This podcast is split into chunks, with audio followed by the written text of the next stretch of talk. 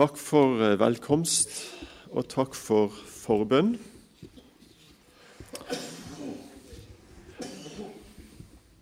Hvis noen har bibler, så er det fint å kunne slå opp på søndagens tekst etter hvert. Vi eh, begynner nå på fastetida ganske snart, på onsdag.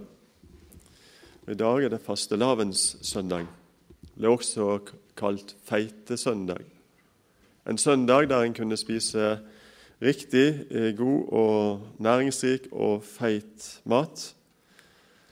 Også på tirsdag, feite tirsdag. Og så onsdag, da starter fasten.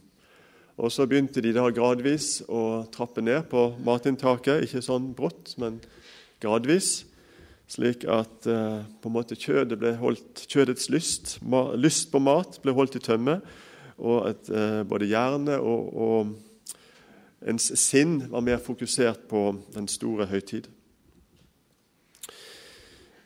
Eh, teksten i dag den står i Johannes evangelium, det tolvte kapittelet, ifra vers 20.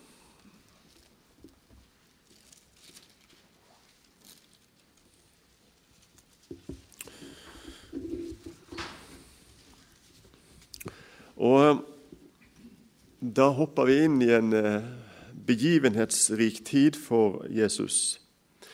Ikke så lenge forut så har han eh, vært og vekket opp Lasarus fra de døde. Og Det var mange jøder som var til stede da.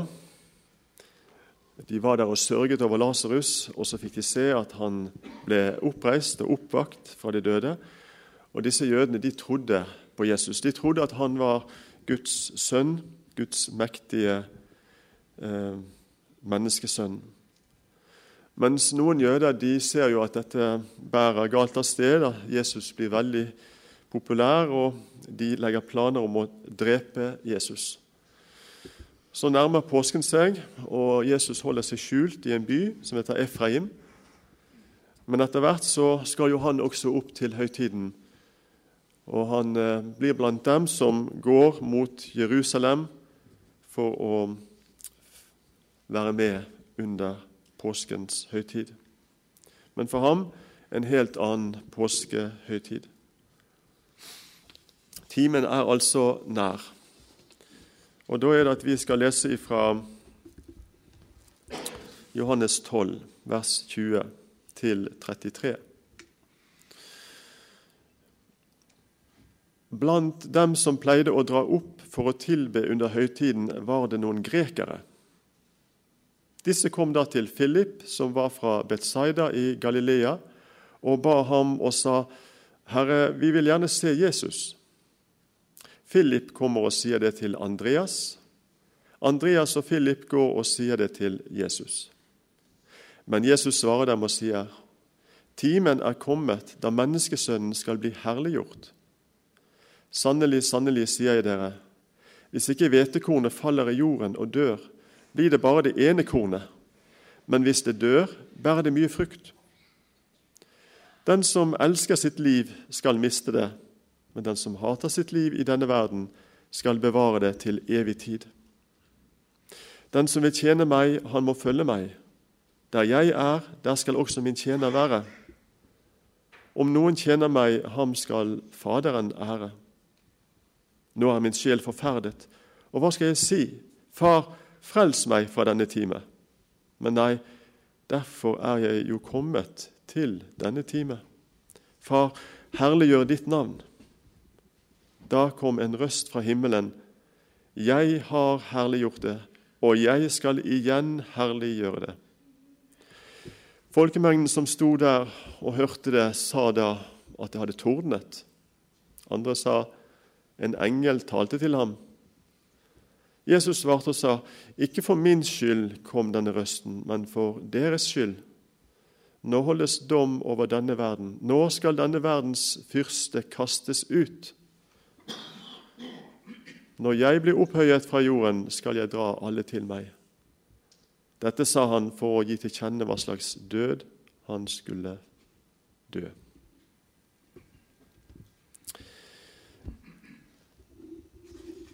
Det er en tekst som inneholder mange handlinger, og det er en del taler og vitnesbyrd bakt inn i denne teksten. Vi får høre om to folkeslag, jøder og grekere. Vi får høre om to disipler, Philip og Andreas. Og vi får høre om to personer i guddommen.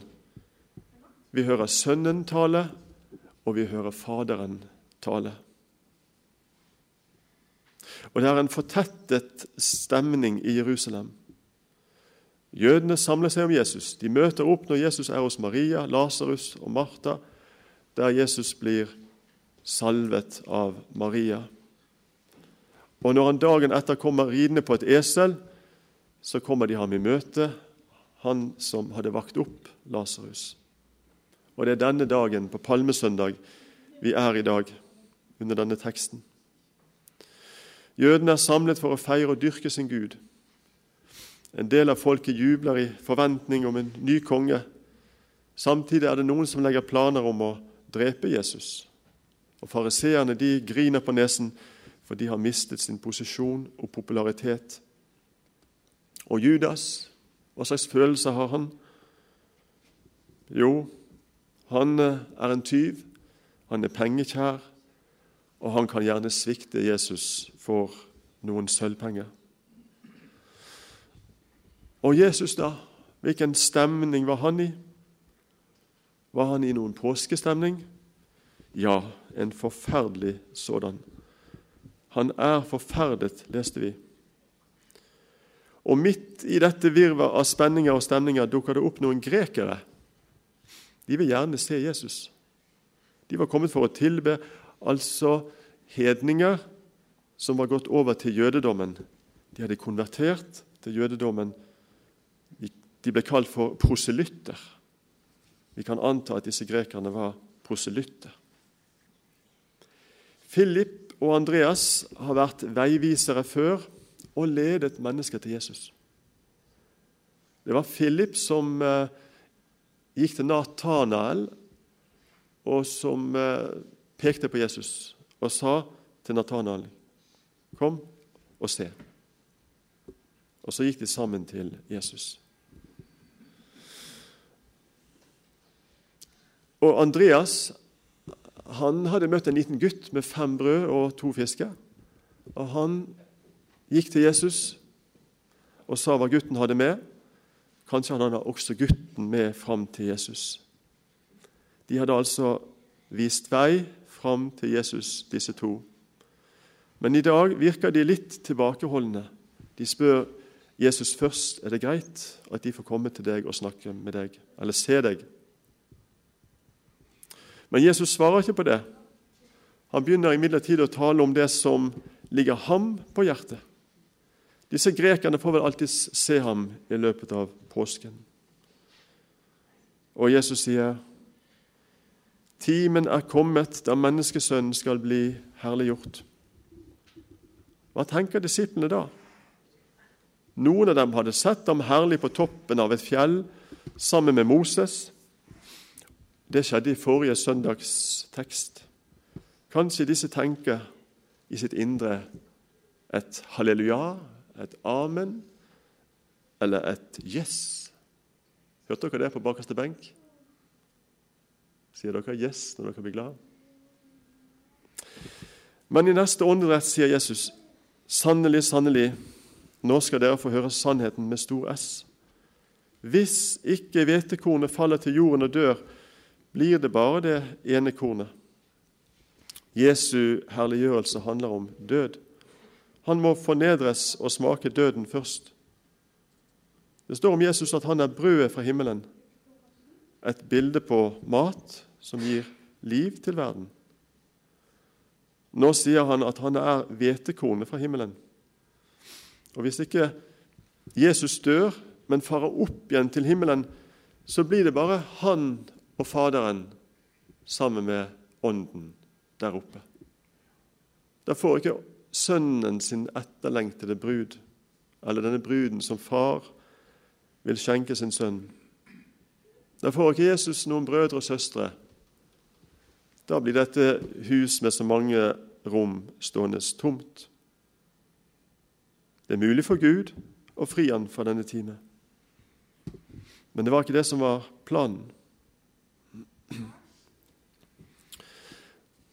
Hvis ikke Jesus gjør det som var planen, så er det djevelen som stikker av med seieren.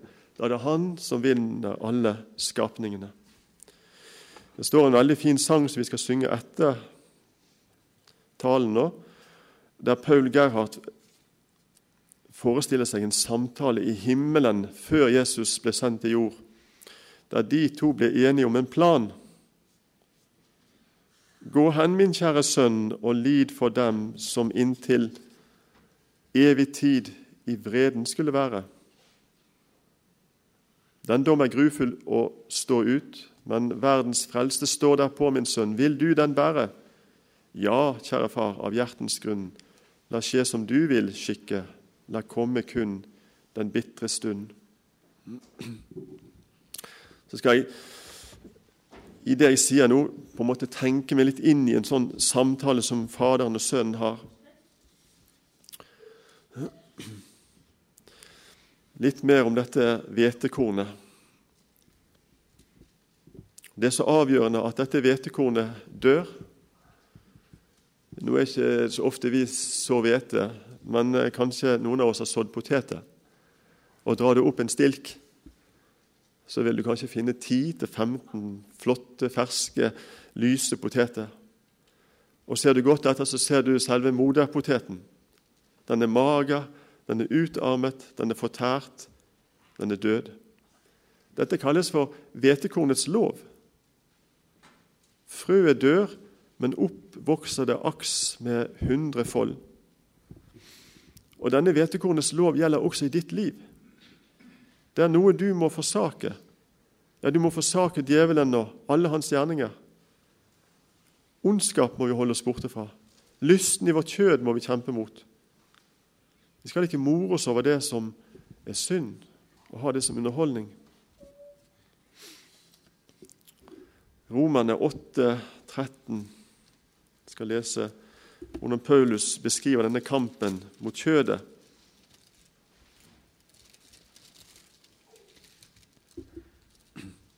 For dersom dere lever etter kjødet, da skal dere dø. Men dersom dere ved ånden døde av legemets gjerninger, skal dere leve.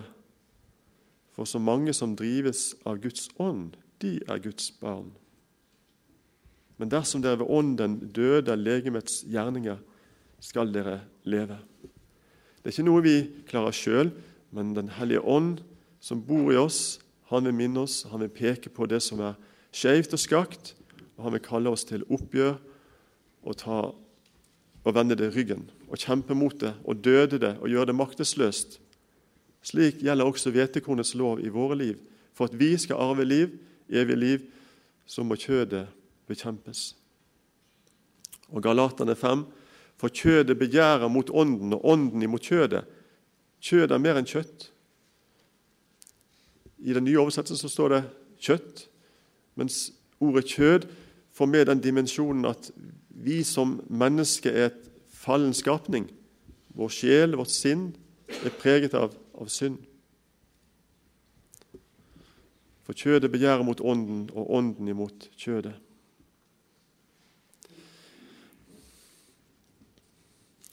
Nå sier likevel predikanten, Salomo, i Predikantens bok men når et menneske, hvem det nå er, får ete og drikke og unne seg gode dager til gjengjeld for alt sitt strev, så er også det en Guds gave. Altså, vi skal ikke elske livet framfor Jesus. Vi skal takke for de gaver vi får, men vi skal ikke elske og stadig vekk få ete og få drikke og få gode dager. En gyllen regel for et Guds barn det er å søke først Guds rike og hans rettferdighet, og så skal vi få alt det andre i tillegg. Slik tenkte også Johannes når han sa, døperen Johannes han sa, 'Han, Jesus, skal vokse, og jeg skal avta'. Og Jesus sa, 'Den som elsker sitt liv i denne verden, han skal miste det.' 'Den som hater sitt liv, Han skal bevare det til evig tid.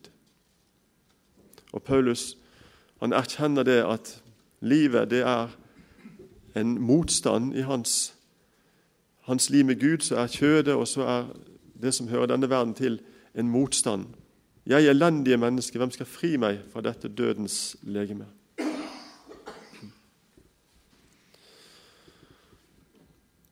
Så sier Jesus, der jeg er, der skal også min tjener være. Om noen tjener meg, ham skal Faderen ære. Der jeg er Ja, hvor er det? Ja, det er i Ordet, først og fremst. Du møter Han når du leser Guds ord. Og vi som tjenere vi må ofte sette oss ned og lytte ved Hans føtter. For det andre han er i forsamlingen. Om det så er bare to eller tre som møtes, så vil Jesus være midt imellom disse. Vi skal få møte opp i hans forsamling og tjene ham også der. For det tredje han er i fengselet, han er på institusjonen. For det står i det høye og hellige bor jeg, og hos dem som er sønderknust og nedbøyd i ånden. Gud, han bor hos de elendige, hos taperne, og vil at du skal gå dit og forkynne dem et gledens budskap. Og så er han for det fjerde ved jordens ende, i bortgjemte avkroker der evangeliet ikke er forkynt. Der venter Jesus på oss som sine disipler og sine tjenere.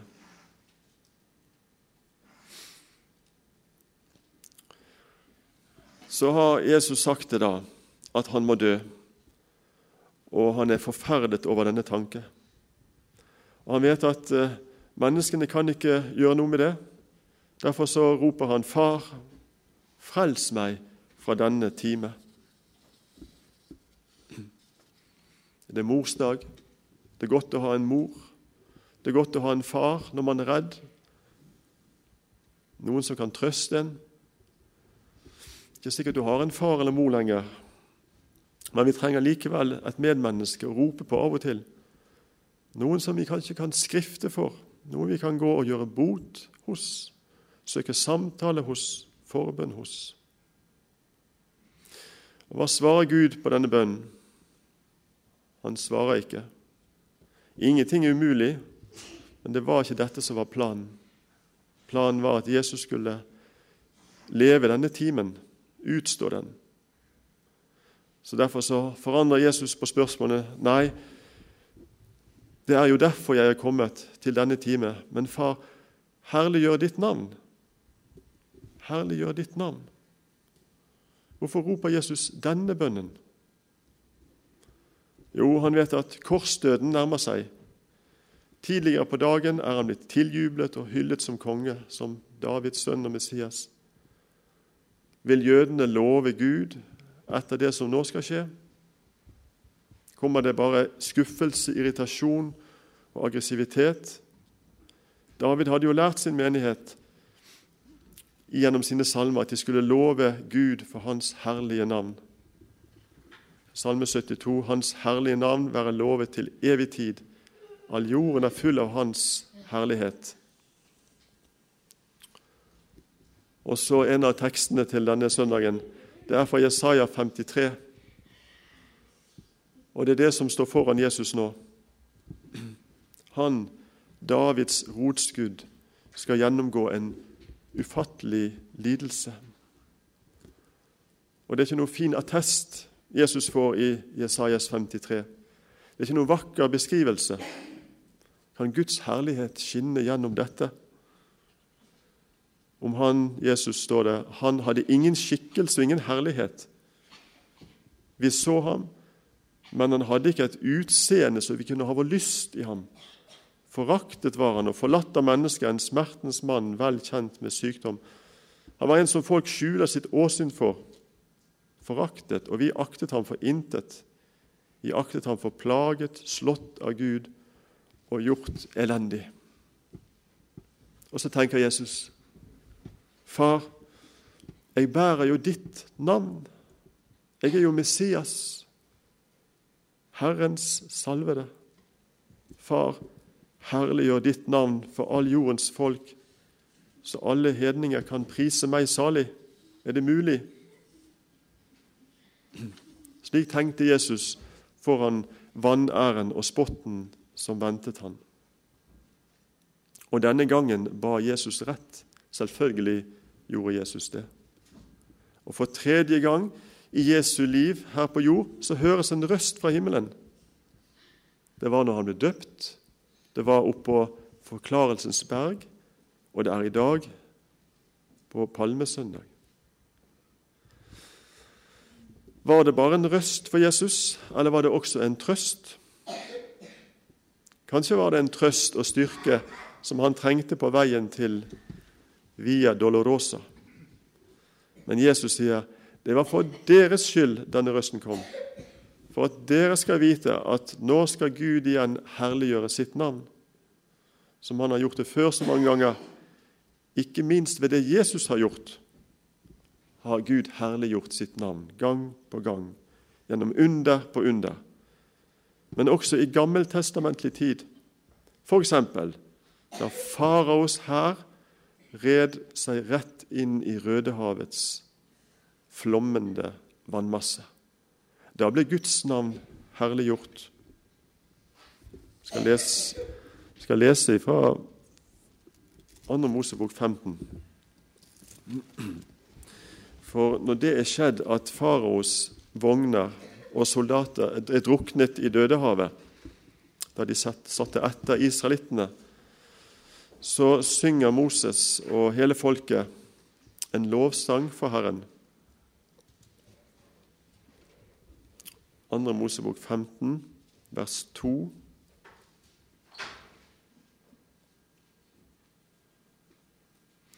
Herren er min styrke og min lovsang, han ble meg til frelse. Han er min Gud, og jeg vil prise ham, min fars Gud, og jeg vil opphøye ham. Herren er en stridsmann, Herren er hans navn. Og Så hopper vi til vers 6. Din høyre hånd, Herre, er herlig i sin kraft. Din høyre hånd, Herre, knuser fiender. Her ser vi hvordan Gud og Guds navn ble herliggjort gjennom denne, denne handling. Og slik leser vi gang på gang når Israel vinner seier ved Guds kraft, så blir Guds navn herliggjort. Og det skjer også nå. Når Jesus nå er lydig, når han går inn i lidelsen, når han er villig til å bli såret for våre overtredelser, knust for våre misgjerninger, så blir vår straff sonet og vår gjeld slettet. Og syndens makt, djevelens makt, kjødets makt blir avvæpnet. Jesus stiger fram som seierherre på korset, og alle dødelige krefter må gi tapt for kraften i Jesu oppstandelse. Og da er Herrens navn igjen herliggjort. For Gud ble da en forsonet Gud med et offer som Jesus brakte. Og djevelen han ble en forsmådd fyrste. Han ble vraket, han ble utstøtt, ja, kastet ut. For djevelen har nemlig hatt adgang inn til Faderen. Vi husker at han freidig sto og anklaget jobb, Satan. Og En gang kom han og anklaget ypperstepresten Josva innenfor Guds åsyn. Det står det i Zakaria 3. Men nå holdes det altså dom over denne verdens fyrste. Djevelen, baktaleren og anklageren, han skal detroniseres og miste retten til å anklage Guds utvalgte. Han kastes ned, ja, han har fortsatt stor makt, men Kristus er gitt all makt i himmel og på jord. Og En plass står det at eh, Jesus sa så Satan falle ned fra himmelen som et lyn. Så etter dette som skjedde på Golgata, så har djevelen mistet en adgang og en makt som han hadde før. Så blir Jesus opphøyet Og Det er et annet ord for å bli korsfestet. Og Røveren han tas med hjem samme kveld. Men oss andre drar han til seg når vi dør, som vi hørte i åpningsordet. De som mottatt Ånden som pant i sine hjerter, det er et litt vanskelig uttrykk. Vi har Ånden som pant i våre hjerter. Hva betyr det?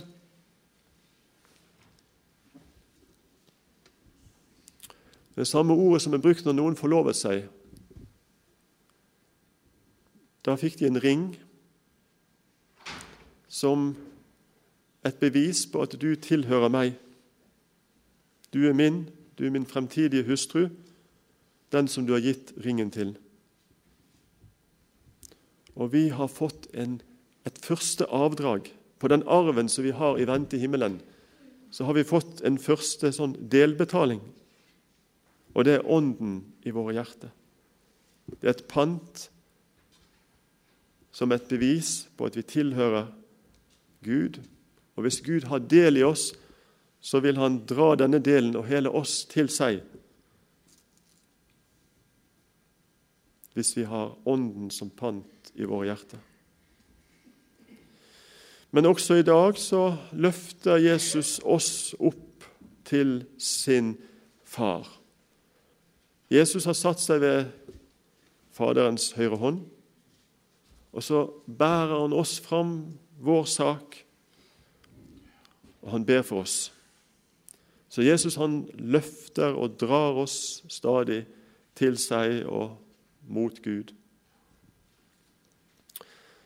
Resten av eh, teksten fra Jesajas men han ble såret for våre overtredelser, knust for våre misgjerninger. Straffen lå på ham for at vi skulle ha fred, og ved hans sår har vi fått legedom. Kanskje gikk det noen grekere på avstand og så det som skjedde. Kanskje hadde de ropt 'Korsfest, korsfest'. Kanskje gikk de der og så på korsene. Hva trodde disse grekerne?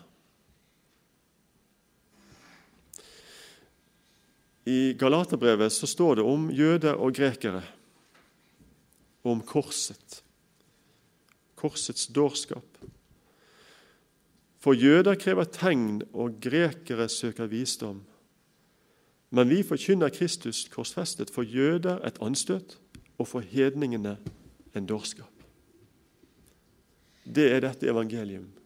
Hvis du går med et kors rundt halsen, så vitner det om dette som skjedde og noen respekterer deg for din tro, andre vil kanskje se ned på deg, for du går med et slags tegn på dårskap. Det er kun for dem som Gud kaller og drar på, og som åpenbarer dette for, som kan se på det som, som et frelsens budskap. Hva tror du denne søndags formiddag? Har du latt Gud tale inn i ditt hjerte eller ser du på det som uhørt og dårskap at Jesus måtte dø en slik død? Jeg regner med at eh, vi alle er takknemlige for det Jesus gjorde, og at det slettes ikke er dårskap for oss. Men likevel, vil du, da, vil du gi avkall på livet? Vil du tjene Jesus? For Jesus har sagt, 'Den som finner sitt liv, skal miste det.' men den som mister sitt liv for min skyld, skal finne det. Skal vi be sammen?